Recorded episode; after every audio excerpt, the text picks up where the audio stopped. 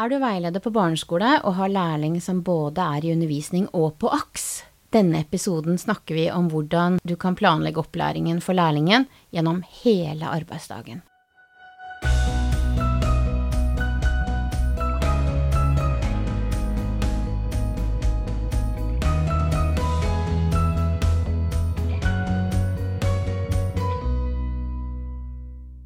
Velkommen til denne episoden av Veilederbua. Vi som sitter i studio i dag, er Line Skjerven og undertegnede Tove Hansen. Vi jobber begge på opplæringskontoret for helse- og oppvekstfag og lager denne podkasten for deg som er veileder for en BUA-lærling i Oslo kommune.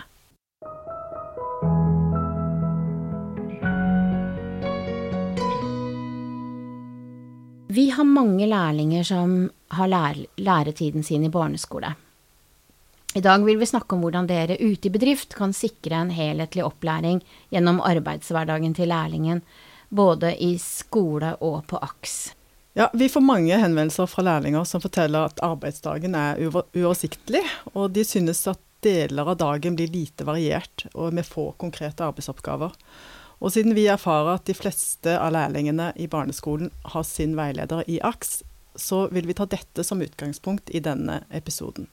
Og Line, du har jo jobbet mange år på skole og i AKS. Hva tenker du om de utfordringene, eller hva som er utfordringen når du har to så ulike roller i arbeidshverdagen din?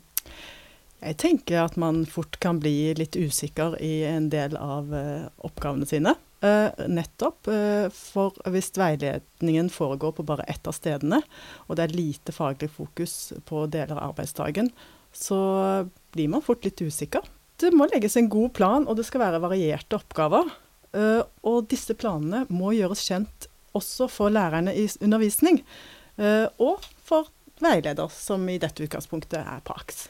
Ja, for det er jo veldig mye av læringen som skal foregå for lærlingen, da. Både på skolen og når de er på AKS. Læringen kan skje både ved å planlegge aktiviteter, men også i de daglige situasjonene man står i gjennom skoledagen.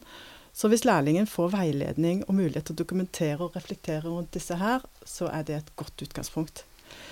Men da uh, må uh, man se på de mulighetene man har, uh, og gi konkrete oppgaver. Gjerne knytta opp mot observasjoner eller aktiviteter i friminuttet. Jeg tenker på spisesituasjonen, hvis vi er ute på tur, i gymsal, og alle disse overgangssituasjonene som man har i løpet av en skoledag. Jeg tenker når man legger planen, at man ser de situasjonene som læringsmuligheter. Mm. Og lager konkrete oppgaver rundt det. Mm. Men i selve timen da, eller undervisningen, hva tenker du da?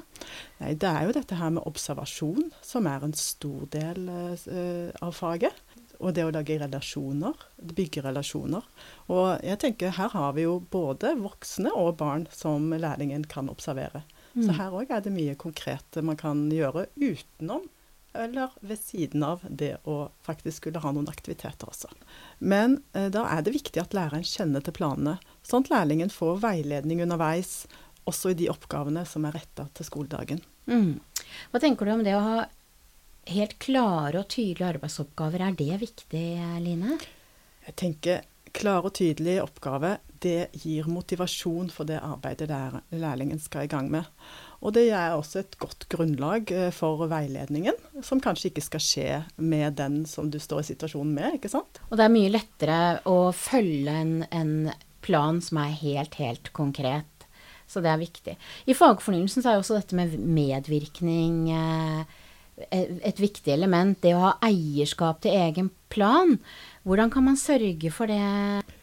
Jeg tenker at det at lærlingen får anledning til å delta i eh, planleggingen og sitte sammen med veileder og faglig leder når planene legges, det gir god mulighet for medvirkning. Og så er det dette med at alle som omgås eh, lærlingen må kjenne til planene og hva som er i faglig fokus for lærlingen til enhver tid. Det er nettopp da den gode underveisvurderingen skjer, og så gir det et godt grunnlag for læringen. Men du Tove, har du noen eksempler fra skoler som har gjort dette på en god måte? Jeg har uh, en av skolene mine der uh, instruktøren faktisk er en lærer. Uh, og dermed så er jo skoledelen ivaretatt. de har tatt med seg, satt seg ned sammen med lærlingen og laget en plan som ivaretar en bredde da, med arbeidsoppgaver og det at hun får lov til å jobbe med en, grupper helt fra første til syvende klasse. Mm. Men lærlingen er også på AKS. Hvordan har de det med seg i planen? Der får hun også konkrete arbeidsoppgaver. Eh, og så er hun med både i eh, planlegging, altså planleggingsmøter på skolen, eh, teammøter, og på møter med aksen, at hun får være med på planleggingen av alt som skal foregå i løpet av en hel arbeidsdag, da.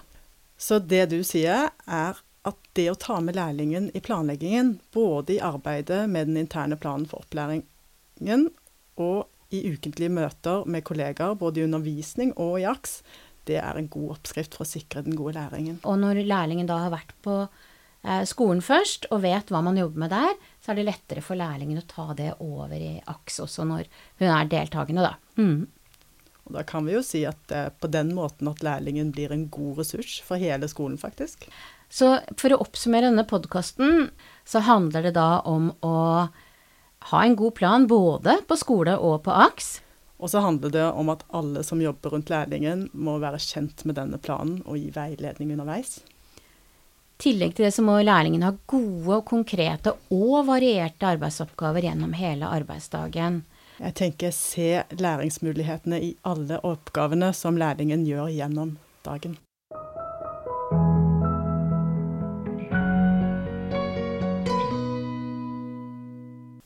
Du har lyttet til Veilederbua. I studio i dag har du hørt på Tove Hansen og undertegnede Line Skjerven. Du finner støttemateriell til denne episoden i IOLK. Har du spørsmål eller ideer til nye episoder, ta kontakt. Husk, vi lager denne podkasten for deg.